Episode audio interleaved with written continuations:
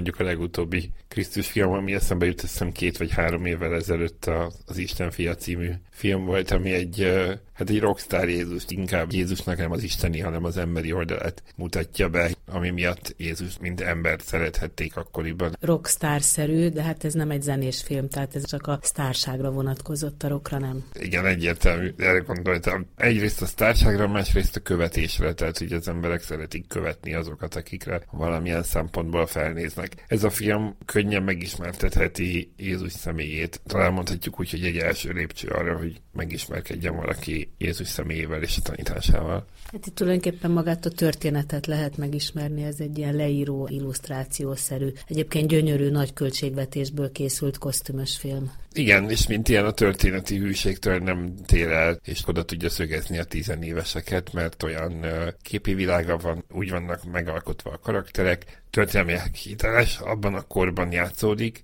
ugyanakkor mégis megfogható, és a mai gyors tempónak megfelelő. Mégis, mintha valamit hiányolna. Igazából ez az első lépés, ahogy már az előbb is mondtam, mondjuk óhatatlanul össze akarjuk hasonlítani a Mel Gibson féle filmmel, ahol sokkal inkább arra próbál mutatni, vagy legalábbis számomra a filmnek inkább az volt a, a jelentése, hogy azt a tettet, hogy Jézus eljött a földre a tanítás szerint, és megváltotta halálával az embereket. Ez a tényt próbálja meg inkább megmutatni ez a film, ezért is Passió a címe, Krisztus szenvedés története, ugye, hogyha le akarjuk fordítani. A történet veleje igazából a Passió, amiben így flashback-szerűen bevág korábbi jeleneteket Jézus tanításából, az utolsó vacsorából, és olyan helyekről, amik kicsit kvázi, kvázi megmagyarázzák, alátámasztják azt, hogy mi is ez az egész kereszthalál, és hogy mi is történik ott, és miért kell ezt az egészet megtennie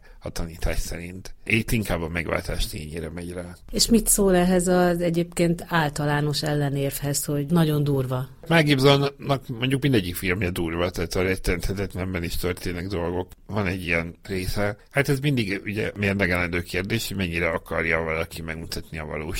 Itt a, a rendezőnek az volt a célja, hogy sokkoljon. Ne azt gondolja senki, hogy itt egyszerű te a délutánról van szó, hanem igenis valakit előbb jól összevernek, összekorbácsolnak, és utána pedig reggelre keresztre feszítik. Zavargások ki Jeruzsálem nyugati részén. Római rendfenntartók léptek közbe, amikor zsidó fiatalok egy csoportja kukákat kezdett el gyújtogatni. Az összetűzés a názáleti Jézus néven ismert férfi szónoklatához köthető. Názáretit el kell pusztítani. Szabadság.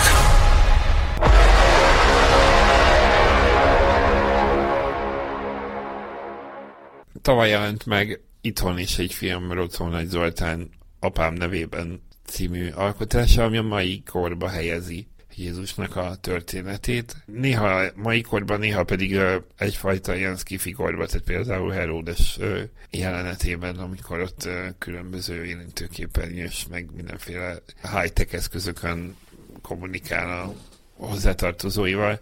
Kicsit nekem olyan ez az egész film, hogy, hogy volt egy tök jó alapötlet, hogy igen, hozzuk közelebb az emberekhez, ezt, és mutassuk meg, hogy, hogy lehet a mobiltelefon korában is beszélni Jézusról. Ugyanakkor, mintha nem lett volna így végig gondolva, tehát, hogy egyrészt engem ez az idő sík probléma zavart, hogy nem igazán tudom eldönteni, hogy milyen korban játszódik. Másrészt pedig, ami mindig látható volt, hogy nem volt nagyon meg a színészvezetés. Nem látom azt a hype ami egy ilyen filmet bevonzana.